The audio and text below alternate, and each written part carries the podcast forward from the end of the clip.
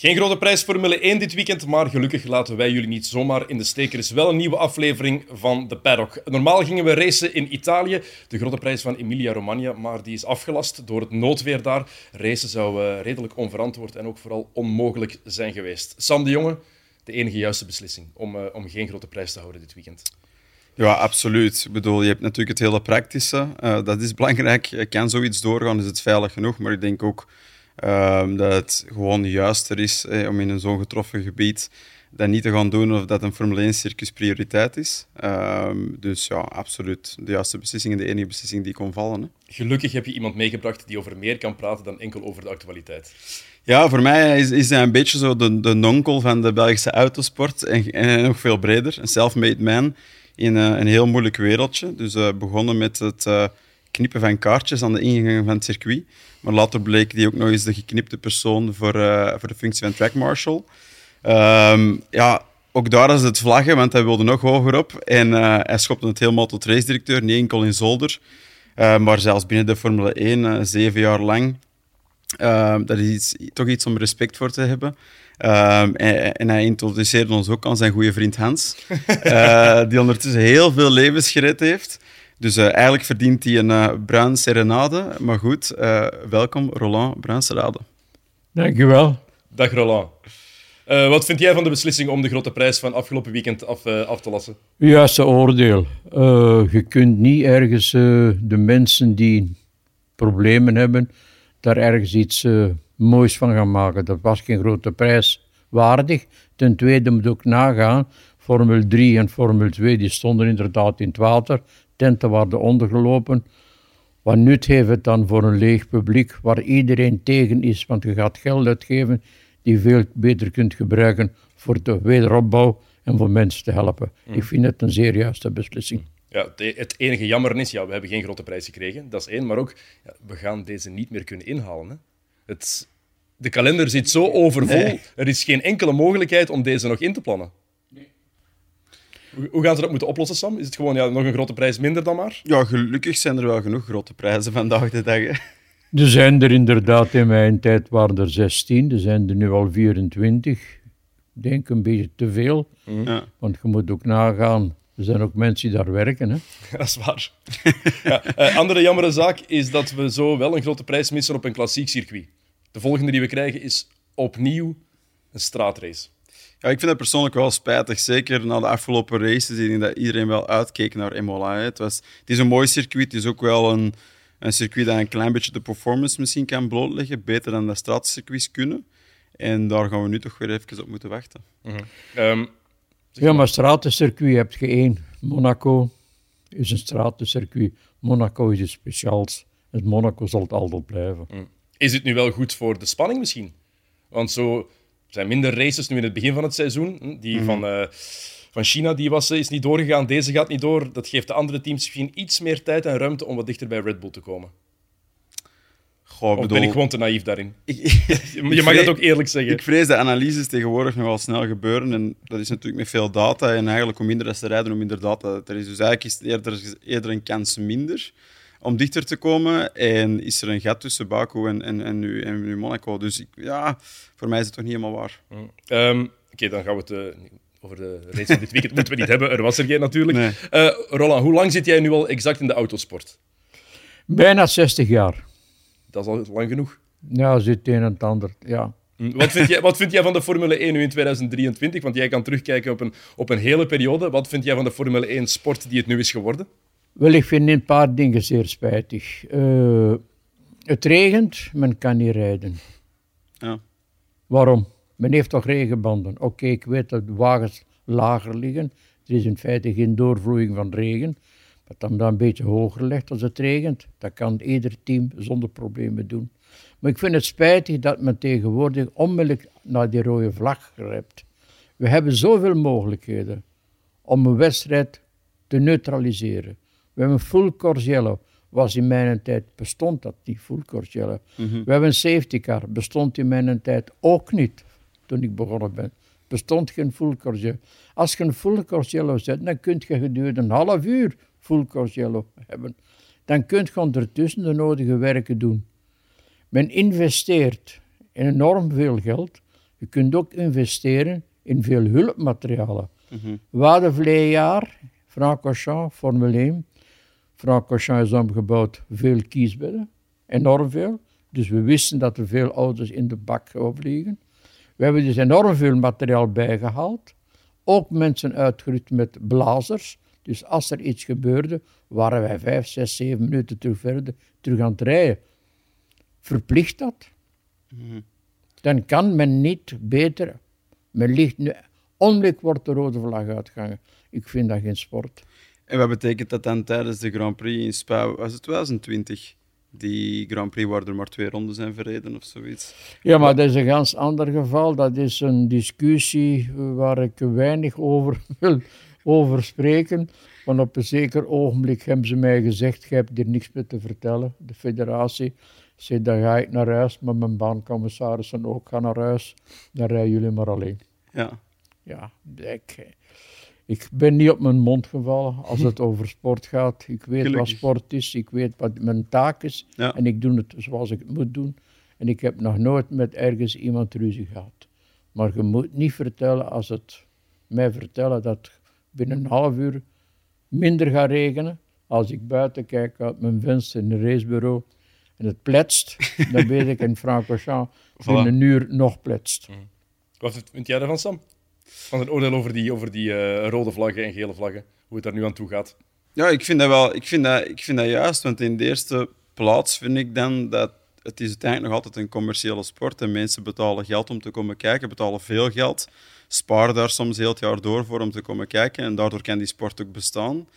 En dan vind ik ook dat ze niet echt genoeg zoeken. Ik bedoel, het lijkt toch raar te zijn dat hoe moderner dat een sport wordt, een technologische sport dan nog, en hoe veiliger dat die wordt, dat wanneer het nu gaat regenen, je er niks aan kan doen. En vroeger reden ze wel. Hmm. Toen de sport veel gevaarlijker was. Toen de wagens nog helemaal niet zo veilig waren als nu. Dus dat is ergens contradictorisch. En ik vind dat ergens, zat ik mij aan, van hoe kan het nu dat we daar geen oplossing over vinden? Natuurlijk, als we, die, als we die beelden zien, dan is het ook wel duidelijk, ja, er is vaak effectief niks te zien. Hè. Die, die spray die de auto's nu hebben, die is wel extreem. Ik weet niet hoe dat, of dat zoveel meer is dan 30, 40 jaar geleden. Daar gaat u veel meer over kunnen oordelen dan ik.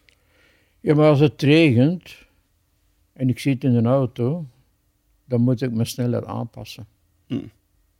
Ook in autosport kunt je dat.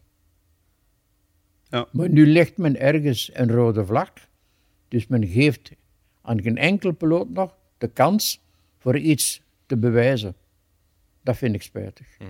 Maar heeft dat te maken met dat ze schrik hebben voor de gevolgen en dat ze geen controle hebben erover? Vroeger lieten ze het meer gebeuren en dan was het inderdaad meer de, de verantwoordelijkheid van de piloot. En die pakken ze nu een stuk af. Nu zijn zij het die beslissen van oké, je kan gewoon Ja, maar ik zit niet in de auto. Hè. Ja. Ik probeer zo goed mogelijk het sportieve te laten doorgaan. Maar ieder piloot beslist voor zijn eigen wat hem gaat doen en wat hem niet gaat doen. Dat is juist hetzelfde. De ene gaat voorbij steken op een plaats waar ik zou zeggen: Oh, doe ik liever niet de ander gaat iets wachten. Het is een individuele sport en dat mocht je niet laten afhangen van ergens mensen die achter een bureau op schermen zitten kijken. Mm. Natuurlijk, dan is, verliest je veel. Mm, natuurlijk. Het, is, het is natuurlijk ook een, wel een moeilijke oefening voor de mensen die achter die bureaus zitten. Want veiligheid is zo belangrijk natuurlijk in die sport. Het is een, het is een levensgevaarlijke sport. Het, is, het zijn ja, heel zware beslissingen die, die je moet nemen. Want als er iets verkeerd loopt, dan, dan, dan zijn de gevolgen vaak groot. Maar we hebben de mogelijkheid voor het veilig te maken met hetgeen dat we aan de hand hebben. Je mm kunt een safety car inzetten. Mm Je kunt een full course zelf doen. Je kunt van alles doen. Maar onmiddellijk die rode vlag trekken, ja, dan weet je zeker en vast. En dan heb je telkens weer 20 tot 30 minuten tijd verloren. Ja. Mensen zitten te kijken, hè. Mhm. Maar wat is volgens jou dan de reden van die ontwikkeling binnen die sport? Wat, wat, maakt dat nu onmogelijk om dat wel te doen? Ik heb er geen enkel idee van. ik weet het niet waarom. Ik weet het niet. Het is inderdaad waar dat zij de twee jaar de auto's veel lager liggen, Formule 1. Hmm. Hm? Dus je hebt geen grip niet meer. Het wordt gevaarlijk. Doe het dan full course Ja. ja. Um, hoe kennen jullie elkaar eigenlijk, Sam? Ja, ik ken natuurlijk Roland, want hij is natuurlijk een, naam binnen de, binnen de autosport. En ik denk dat we elkaar leren kennen hebben voor de eerste keer toen ik binnen het national team kwam. Ja. In 2016 zal dat geweest zijn, en 2015. Dus uh, ja, natuurlijk, het is in die zin een klein wereldje en dan kom je elkaar wel eens tegen. Hè. Hm. Wat, wat, wat deed jij toen, toen uh, Sam daar binnenkwam bij het national team? Wat was jouw functie daar toen? Ik, was, ik ben altijd voorzitter van de Bulclub van België, sportafdeling. Dus uh, ja, ik heb ook een beetje meegeholpen aan die verschillende goede piloten die we geholpen hebben. en we hopen dat we dat kunnen verder doen. Want ja. uh, het is sowieso niet gemakkelijk voor de jeugd van vandaag van de autosport te stappen. Nee, sowieso niet. Ik wil het zo meteen nog verder hebben over wat jij nu allemaal precies doet, want uh, je zit nog altijd in de autosport. Maar ja, het is een Formule 1-podcast, dat is uh, de, de, basis hier natuurlijk. Dus we moeten het ook hebben over jouw periode in de Formule 1.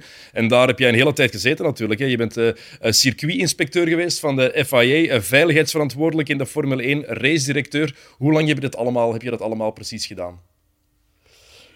Bijna 60 jaar. En in de Formule 1 zelf, die periode de daar? Formule 1 ben ik begonnen, als ik me niet vergis, dan moet ik even mijn boek nemen. en ik weet het ook allemaal niet van buiten. Ik heb mijn eerste wedstrijd gedaan in 64, maar dat was Formule 2. Hm. Formule 2 in Zolder, maar dat was ongeveer hetzelfde als Formule 1. En dan twee jaar later hebben wij Formule 1 gedaan, tien Formule 1's in uh, Zolder. Die heb ik niet als wedstrijdleider gedaan, maar als hulp. In het begin was ik baancommissaris. Heb ook baancommissaris. Ben, ben ik een beetje verantwoordelijk geweest voor de paddock, voor de startopstelling. Ja.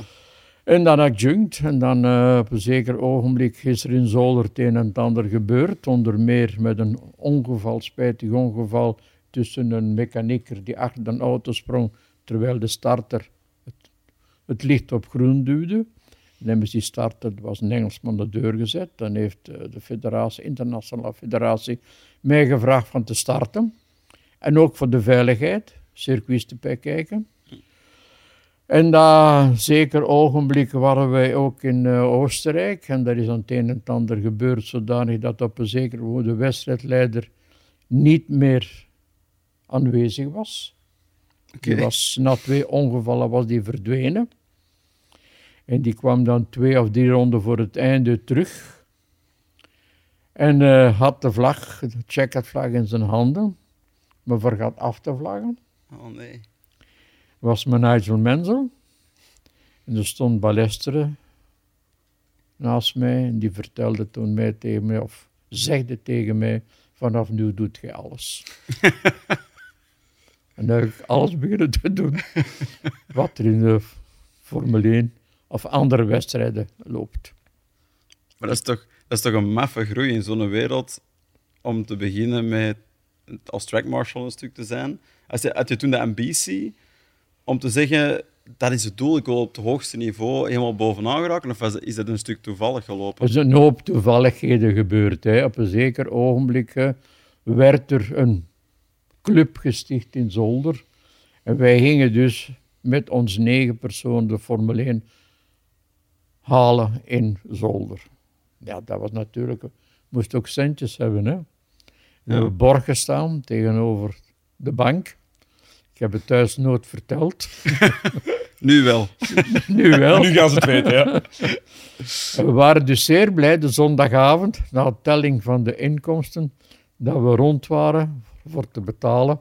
En dat ik niet met borg moest staan voor een bedrag wat ik niet verdiende. Mogen we, weten, mogen we weten welk bedrag dat was?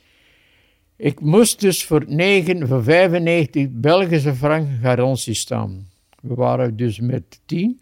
Dat was 950.000 dat we moesten neerleggen aan Barney Ecclestone. Ja. Want die vroeg dus 1 miljoen. En we waren zondagavond waren we aan de 950 gekomen. de zondagavond. Oh, ja, de zondagavond. Opluchting. Dikke pint gedronken. Net, net op tijd, net op tijd. Um, je, ja, je bent vooral inspecteur geworden echt bij, in de Formule 1, tenminste de grote man daar geworden, uh, eind jaren 80. Hè. 1987 ben je daar effectief, heb je daar het, uh, het roer wat meer in handen gekregen. Hoe is dat precies verlopen? Wel, het geval met mensen, zegt de ballester tegen mij, vanaf nu doet je alles. Dus ik heb op dat ogenblik alles beginnen te doen, van begin tot einde. En dan uh, ja, verantwoordelijkheid, alles op u nemen. Hè. wat houdt dat precies in? Wat, wat moet je dan precies alles. doen? Alles. Ja, maar, dat is eenvoudig.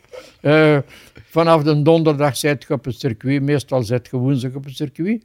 Toen gingen wij het circuit gaan, gaan keuren, liepen rond, kijken wat er nog te doen is. Ja, dan komen de teams binnen, dan komen de teams een en ander vragen en dan begint jij en dan zit je niet alleen Formule 1 aan het doen, hè. Want dat deed ik ook Formule 2, Formule 3 en wat, wat er allemaal rondliep. Hè. Ja. Je werd verantwoordelijk voor het weekend, hè. niet voor één koers.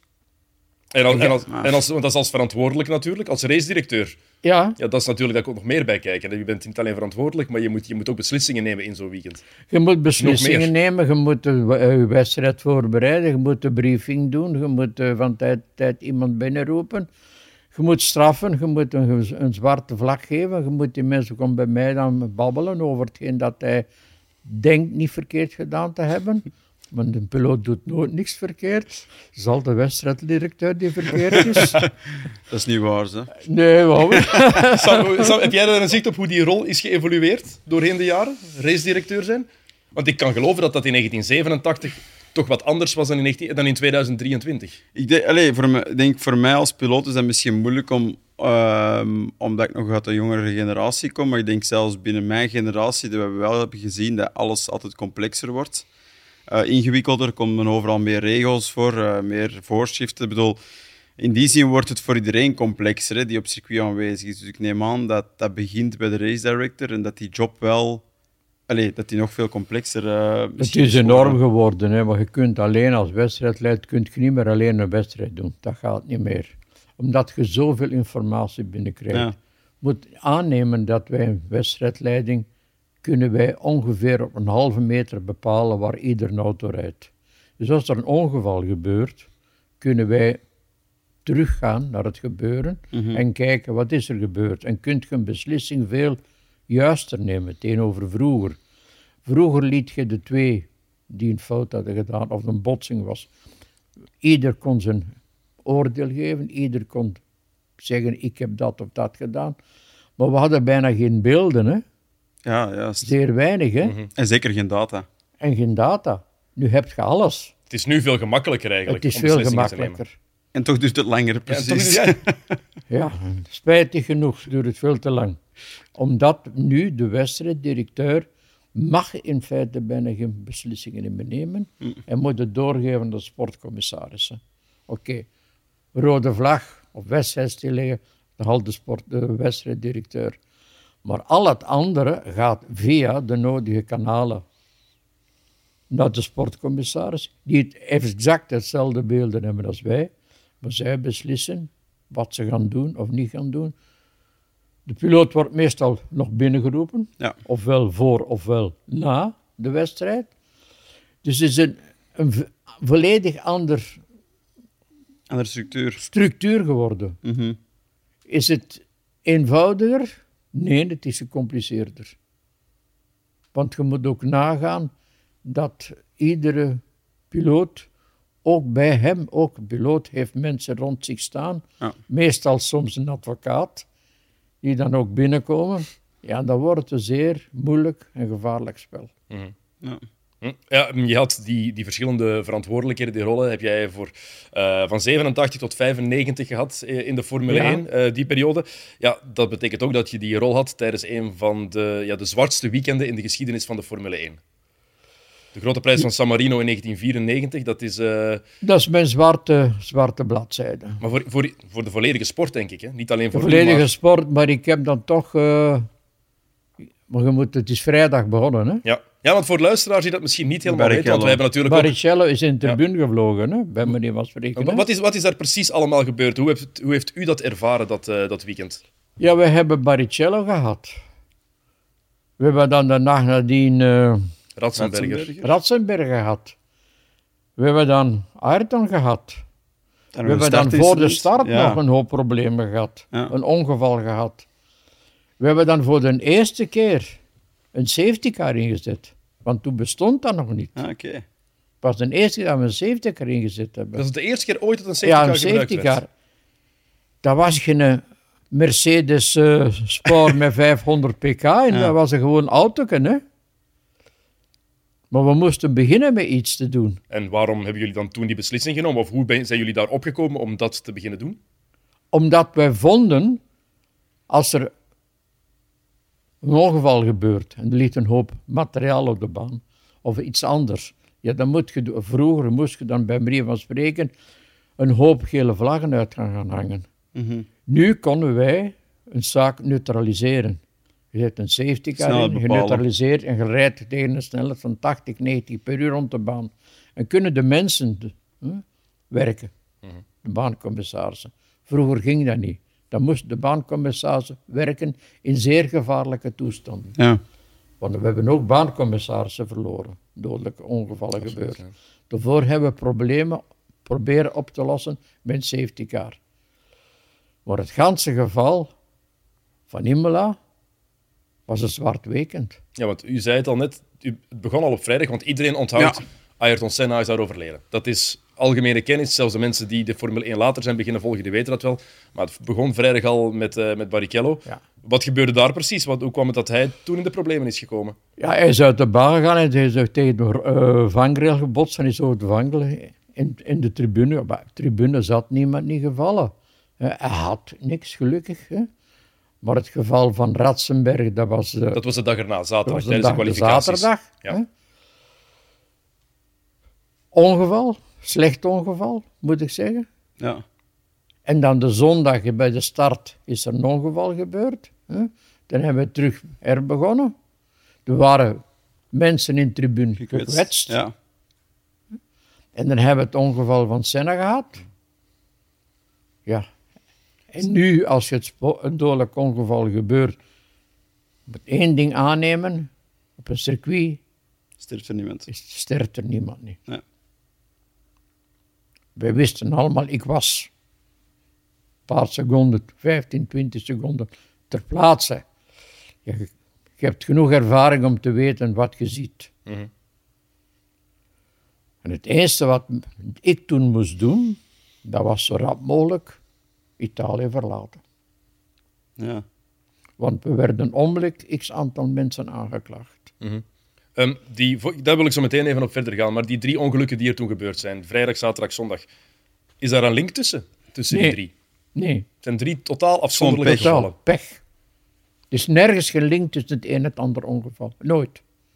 Je gaat een gans jaar op een circuit op die plaats ongevallen hebben.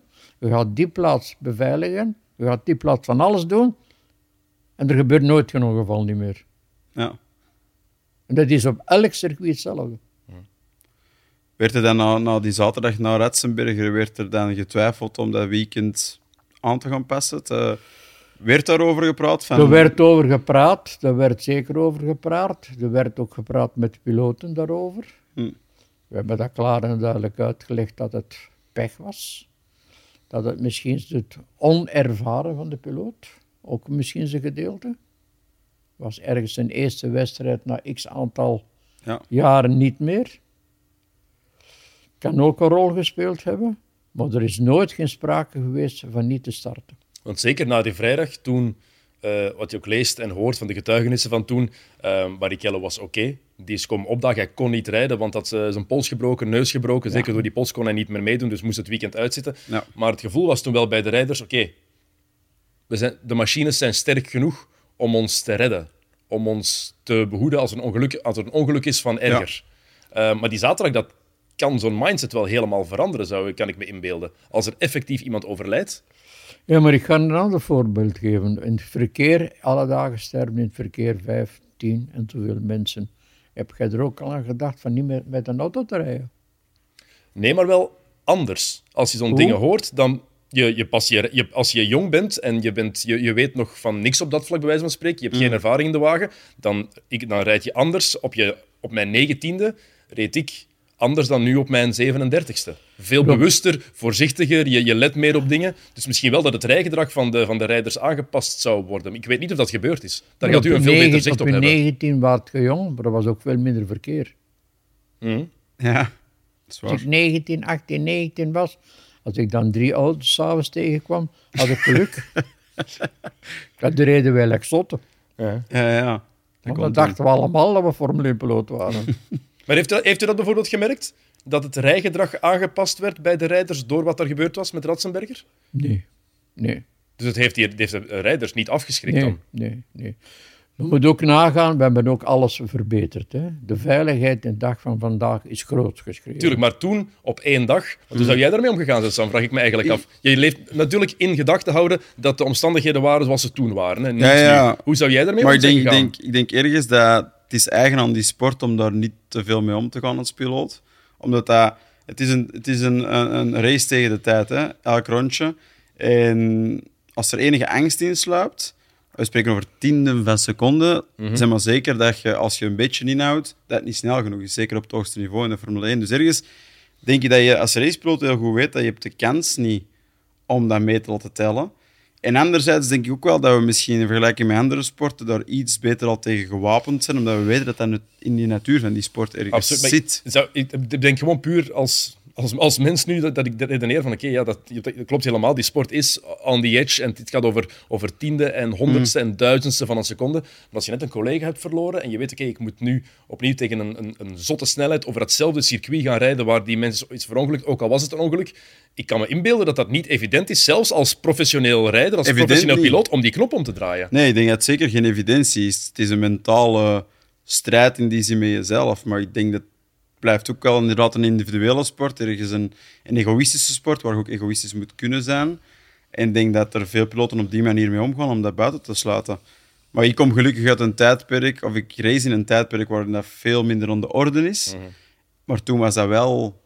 Allee, dat is uiteindelijk het einde een beetje van dat tijdperk. Daarom, want als, als, als ik Maar- terugdenk aan documentaires die we gezien hebben van de periode van Senna, van Senna zelf, ja, die Mm. kwam heel hard op voor de veiligheid van de rijders, de veiligheid eh, van de circuits. Daar werd veel over gepraat. Hoe is die zaterdag voor u eigenlijk verlopen toen dat gebeurd is, na het overlijden van Ratzenberger? Hoe is dat verder voor u verlopen die We dag? hebben de wedstrijd verder laten lopen. Maar die dag zelf, de kwalificaties zijn gebeurd en dan de zondag moet nog Ja, komen. gewoon, gewoon, gewoon. Er zijn Verder. geen extra Er zijn vergaderingen geen geweest. extra veiligheidsnormen. Wat er was in feite ge- gewoon, hij heeft gewoon pech gehad. Hij Ja. heeft- een eigen fout gemaakt. Mhm.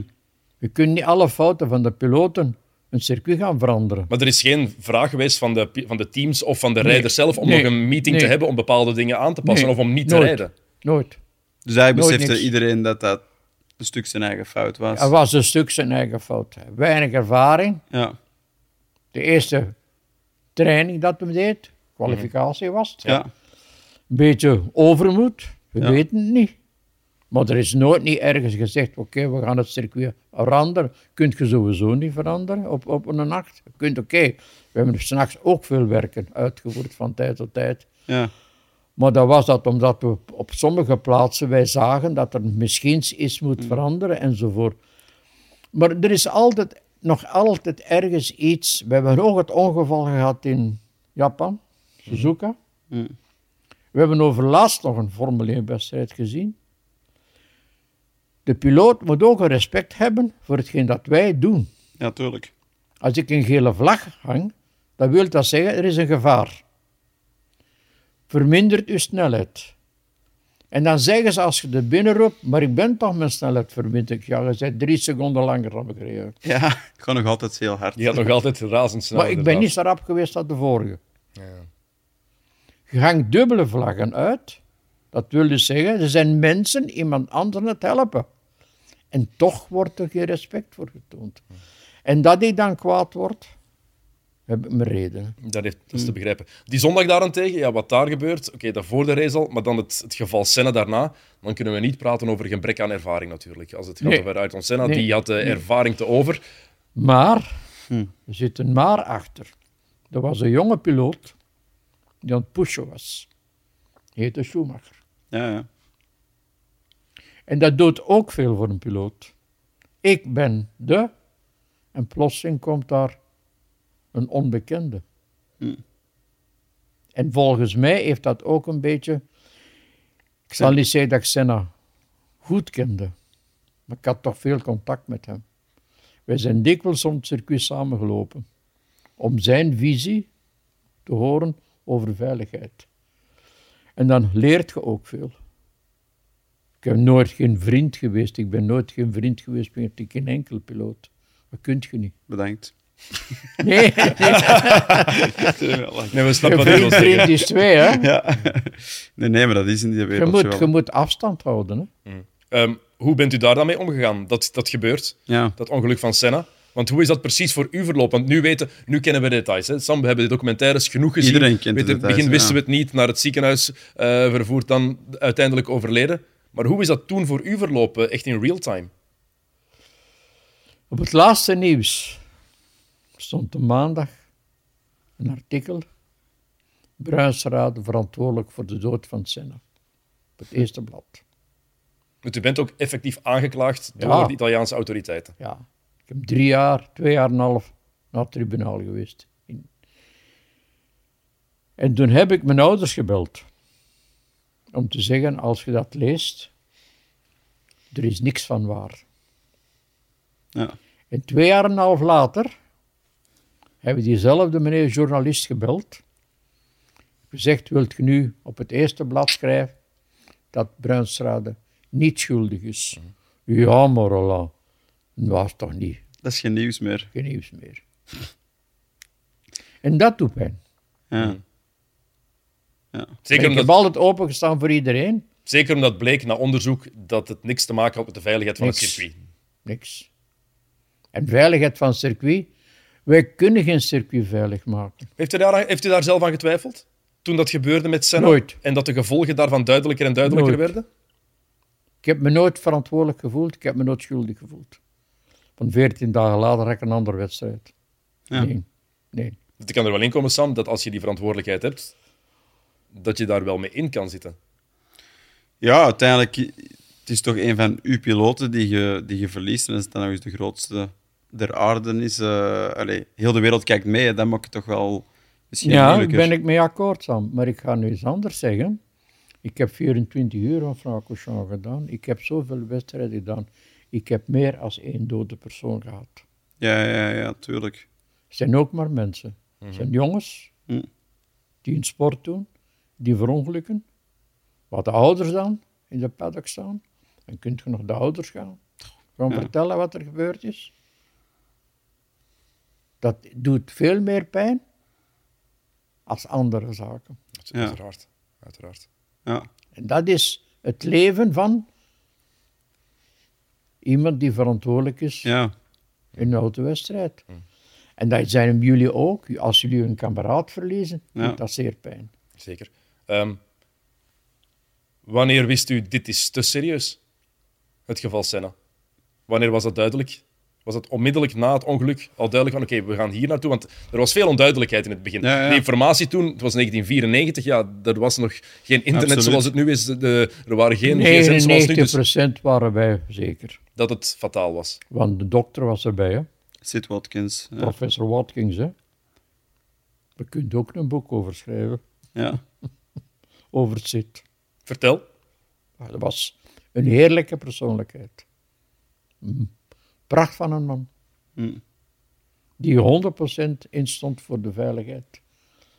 En die ook veel, we hebben ook heeft. veel samengewerkt. Ja.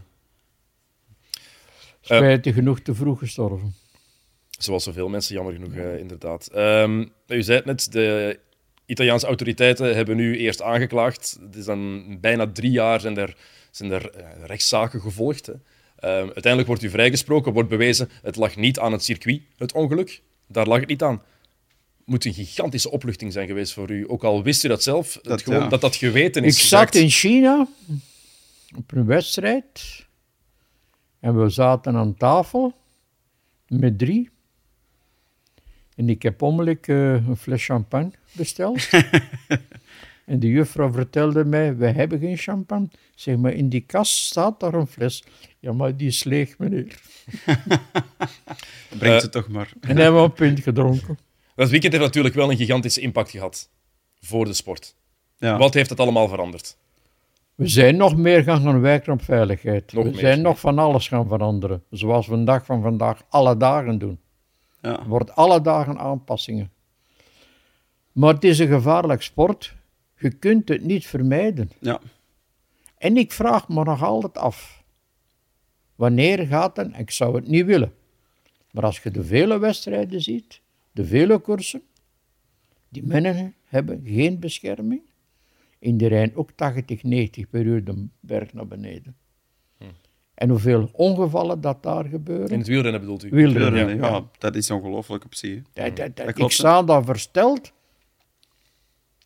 dat er niet zwaar gebeurt. Ik vind dat ook. Ik vind uiteindelijk de Formule 1 is eigenlijk wel heel hard vooruit gegaan op dat vlak. En als je aan veel andere sporten kijkt, waar ook snelheid mee te maken heeft, die, hebben, die zijn niet per se blijven zoeken naar manieren om die sport veiliger te maken. Hè. In uitrusting, in, dat is allemaal heel beperkt vooruit gegaan. Omdat meestal performance op één komt, zo licht mogelijk. Maar inderdaad, als je tegen 100 een berg fietst... Kijk, kijk, kijk, zeg u maar. Een medisch team in Formule 1, die bestaat in feite in het medisch centrum, zijn in totaal acht doktoren hm. en ongeveer 10 à 15 verplegers. We hebben rond het circuit vier snelle interventiesauto's met een dokter aan boord. We hebben in totaal bij Formule 1 ongeveer 12 tot 13 ambulances staan. We hebben 250 tot 300 baancommissarissen. Uitsluitend voor de veiligheid. Ik ken geen enkel sport die daarnaast kan staan. Geen enkel. Ja.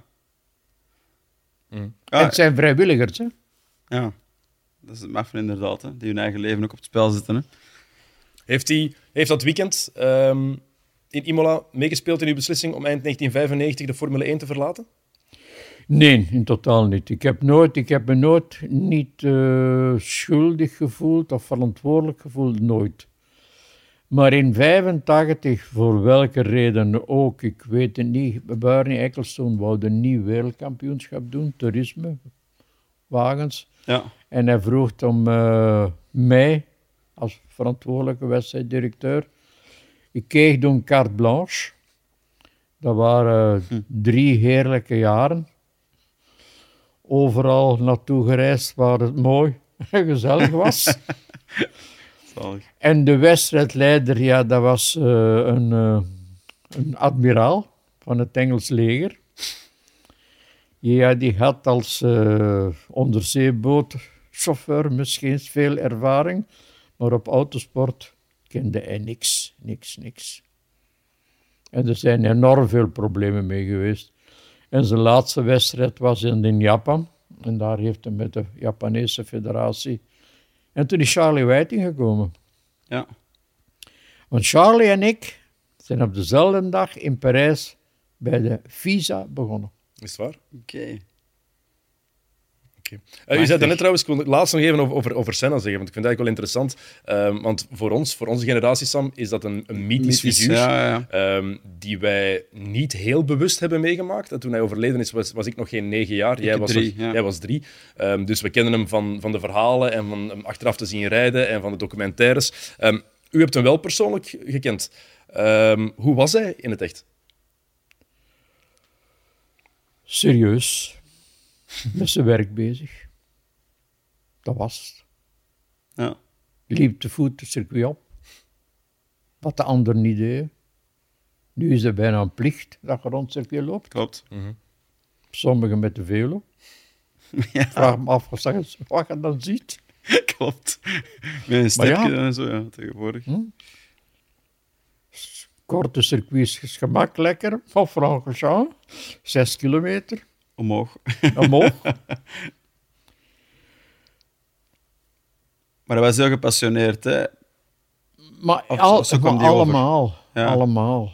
Ik, ja, maar ik, ik, ik, snap wat jij bedoelt. Want als je dat opnieuw bekijkt, als je ook bekijkt hoe hij was in die, in die driver meetings, hij was wel een van de meest uitgesproken mensen als het ging over bepaalde dingen die aangepast moesten worden aan wagens of aan circuits of voor de veiligheid. Hij was wel een van de mensen die zijn stem het vaak het, het meest liet horen. Tenminste, zo, zo heb ik dat altijd meegekregen. Zo lijkt dat inderdaad. Klopt dat of zien we dat compleet verkeerd? Er zat nog iemand, de bedrijvers...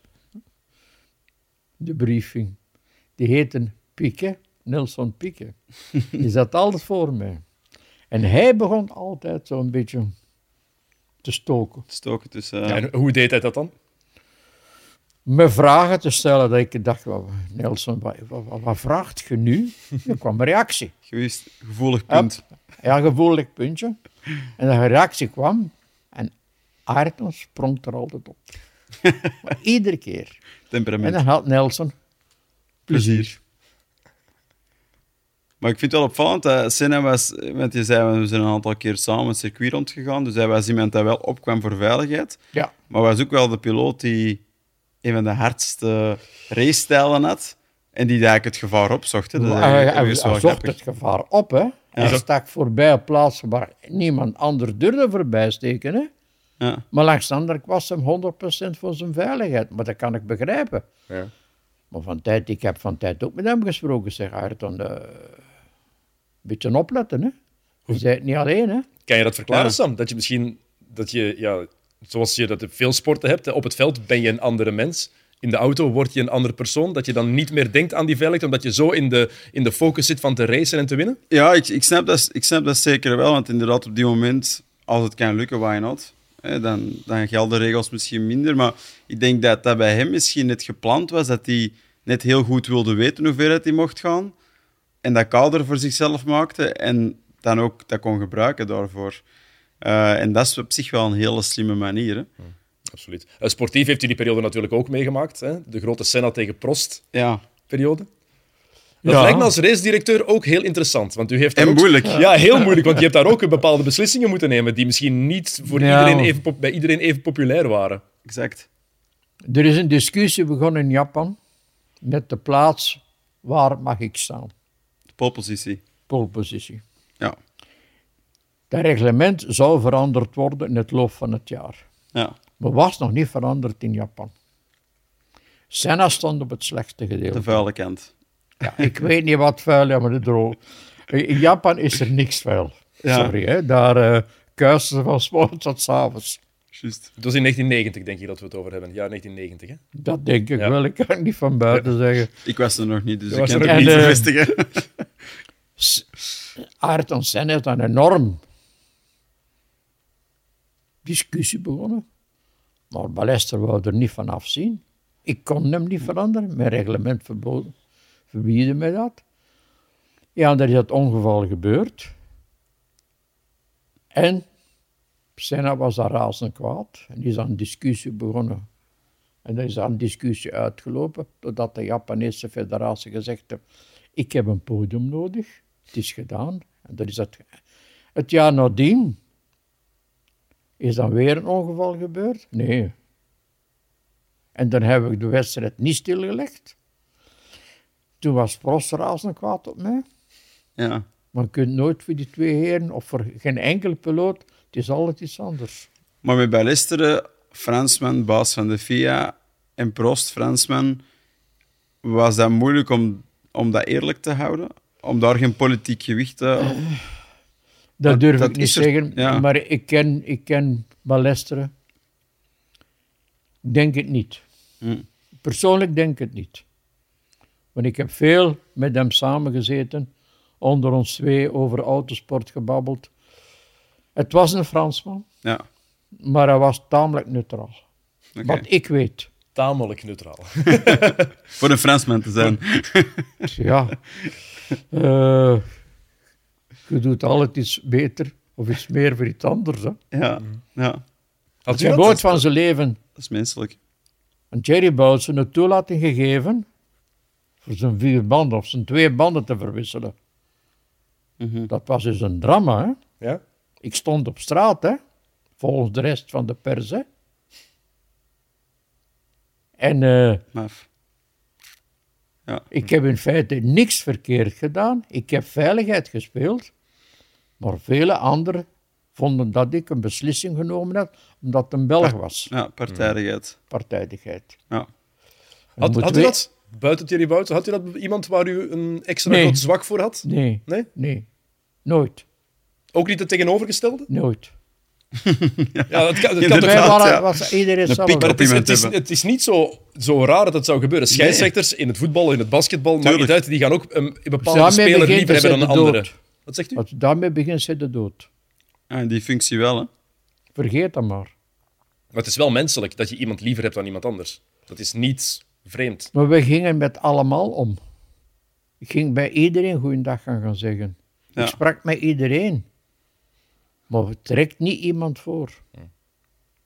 Want er waren veel mensen die kwamen aan mij vragen: hè, is het mogelijk dat je iets doet voor dit of voor dat? Ik zeg nee, dat gaat niet. Dan zou je toch kunnen concluderen, denk ik, in deze tijd dat race director zijn, dat dat nog eigenlijk fijner is in de opstapklasses of in de tourwagens of in de GT's, waar je nog altijd contact kunt hebben met iedereen. Als je nu kijkt naar de Formule 1, dat is zo'n complexe structuur en organisatie Ik doe geworden. tien keer leeuw de 24 uren van Franck Auchan. Ja, Of zelfs de weg, de zes uren. Ja, dat doen we een briefing. Dat is nog een, een briefing waar dat erin gebabbeld wordt. Het is menselijker. Menselijk. Maar de briefing van Formule 1, ja, daar zitten daar twintig eh, ja, individuen. ja. En de briefing is gedaan. En gevraagd, zijn er nog vragen? Niemand durft iets vragen. ja. Ze staan op. En dan komen er drie, vier, vijf van die vragen. Prima, a- apart. Eh, ja, want we hebben het net even over dat zwarte weekend gehad. U heeft natuurlijk ook mooie momenten beleefd in de Formule 1. Wat zijn zo de meest memorabele momenten die er voor u nog bovenuit steken als u terugdenkt op uw periode in de Formule 1? Zijn er zo momenten? Ieder Formule 1 was plezant. Ieder Formule 1 was iets een, een belevenis. was een heerlijk weekend. Hard werken, maar gaat voldoening. ja. Maar is er zo één moment, één gebeurtenis wat er voor u er zijn bovenuit steekt? zoveel momenten dat we samen... eh, de eerste grote prijs van het jaar was altijd bijna altijd in Brazilië. Wij waren dan verplicht van de dinsdag of de woensdagavond daar aan te zijn. Dan gaf Barney Ecclestone zijn feest. Hoe waren die feesten? Alle nat. We willen, we willen graag details. We willen... Nat. Nee, we Gersten avond, een avondeten. Prachtig altijd, een mooi restaurant, hotel. Een drank daarna, een drank voordien, een drank nadien. Blijven hangen aan de toog. En rond vier, vijf uur in de bed kruipen. En de donderdag, de woensdag zag je dan, of de donderdag zag je niemand van de piloten. Bruins hadden ook meestal niet. Tegen de middag kwam de op. En toen werd de sport geschreven. Dat is mooi. Ja, Dat is heel mooi. heel cool. Ehm, ja, Sam, je zei het al net in je intro. Hij heeft een Hans meegebracht. Of tenminste, hij heeft voor een Hans Ja. gezorgd. hij heeft het, mee ja, heeft het mee gecreëerd gewoon. Ja, ligt hier. Hè. Ik bedoel, eh, voor mij is dat een, een, eh, een deel van mijn uitrusting. En ik heb nooit anders geweten. Hè. Maar ik heb wel geweten wanneer het geïntroduceerd werd en dat er toch ook wel heel wat om te doen De viel. mensen die misschien even voor de, voor de zekerheid, mensen die niet helemaal weten wat dat systeem is, misschien moet je dat even uitleggen. Ja, het is een, een carbononderdeel dat eigenlijk op je schouders rust. eh, dat je met twee ehm, ja, touwtjes, kabeltjes vastmaakt aan je helm. Ehm, en over je schouder komen dan eigenlijk je, je riemen van de wagen. Waardoor dat ervoor zorgt dat eigenlijk je helm bevestigd is aan je lichaam. En dat bij een voornamelijk, denk ik, frontale impact, die helm niet verder kan gaan dan een bepaalde hoek. En dat je dus op die manier ook je nek niet kan breken of, of hele zware blessures kan, op, eh, kan oplopen. Dus voor mij heeft het nooit een nadeel geweest. Dat zit niet in de weg, maar ik kan mij inbeelden voor de piloten die zonder hebben gereden, dat die een bepaalde vrijheid moesten opgeven. eh, maar wel in ruil natuurlijk voor veiligheid. Dus eh, ja, het is een heel belangrijk onderdeel van onze, van onze uitrusting hè, vandaag de dag. Hoe zijn jullie daarbij gekomen, Roland, bij dat systeem? Hoe hebben jullie dat ontwikkeld? Ik ga nu een story vertellen. Wij deden testen, ook met professor Watkins. We hadden een groep van vijf mensen die zich inzetten voor de veiligheid. Wij hebben een dummy in Ja. een Formule 1 gezet, zonder dat. En tegen 90 tegen de muur laten kletsen. De kop van de piloot sloeg aan de buitenkant op de auto Dat is zot, hè? om te zeggen hoe ver dat je hoofd gaat. Ja, exact. Dus je, je, je stopt tegen 90 per uur en je kop zit in de cockpilot en slaagt hier op de auto. En daar zijn we gaan bekijken, wat kunnen we wel doen? En dan zijn we dat gaan ontwikkelen.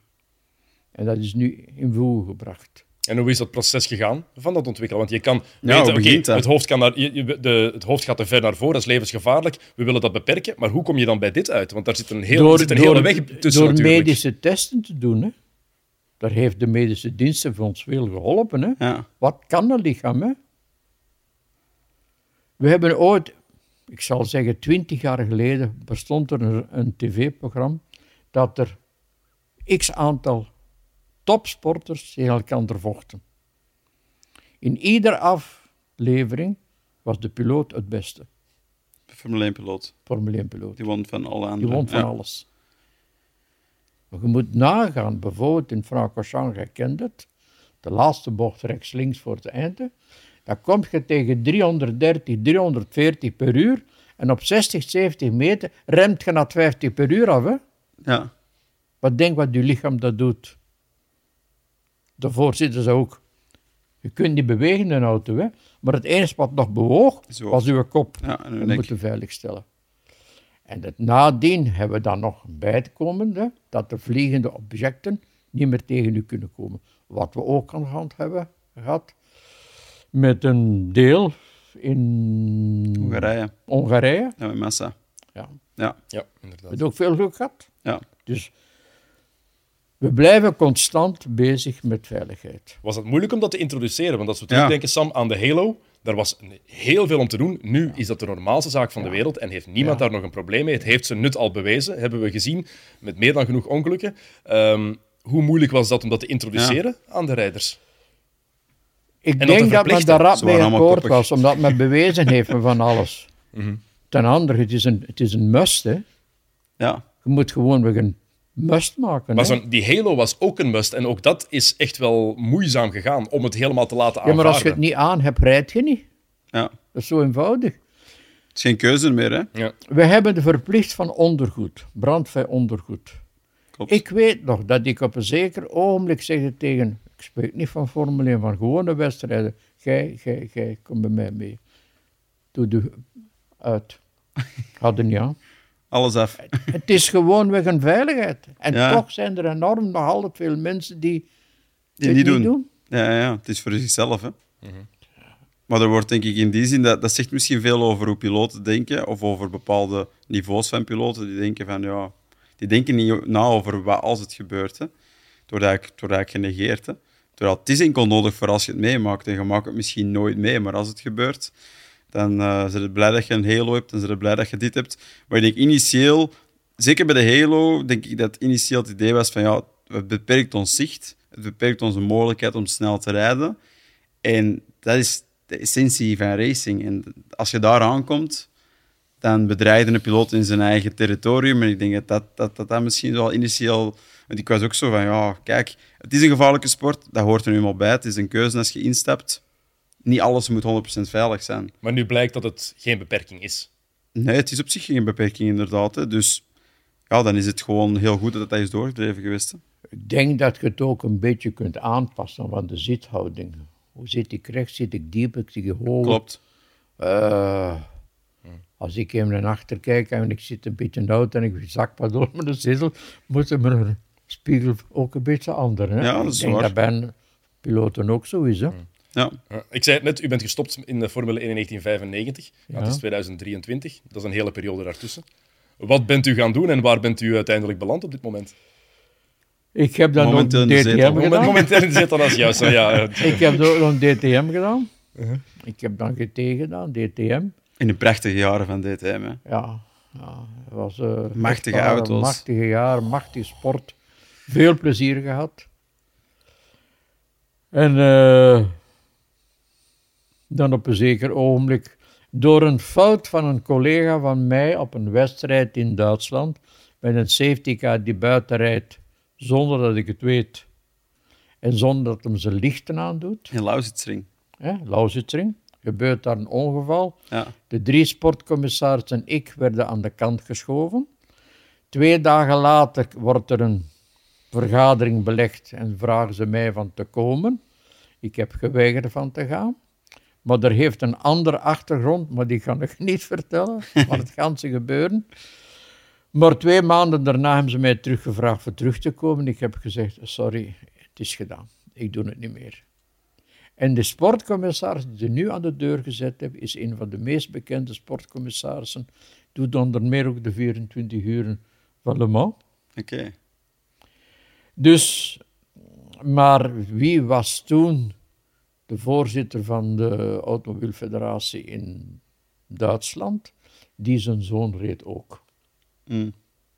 Ik noem geen naam. Oké. Okay. Sam, waarom waren dat zo'n machtige auto's toen?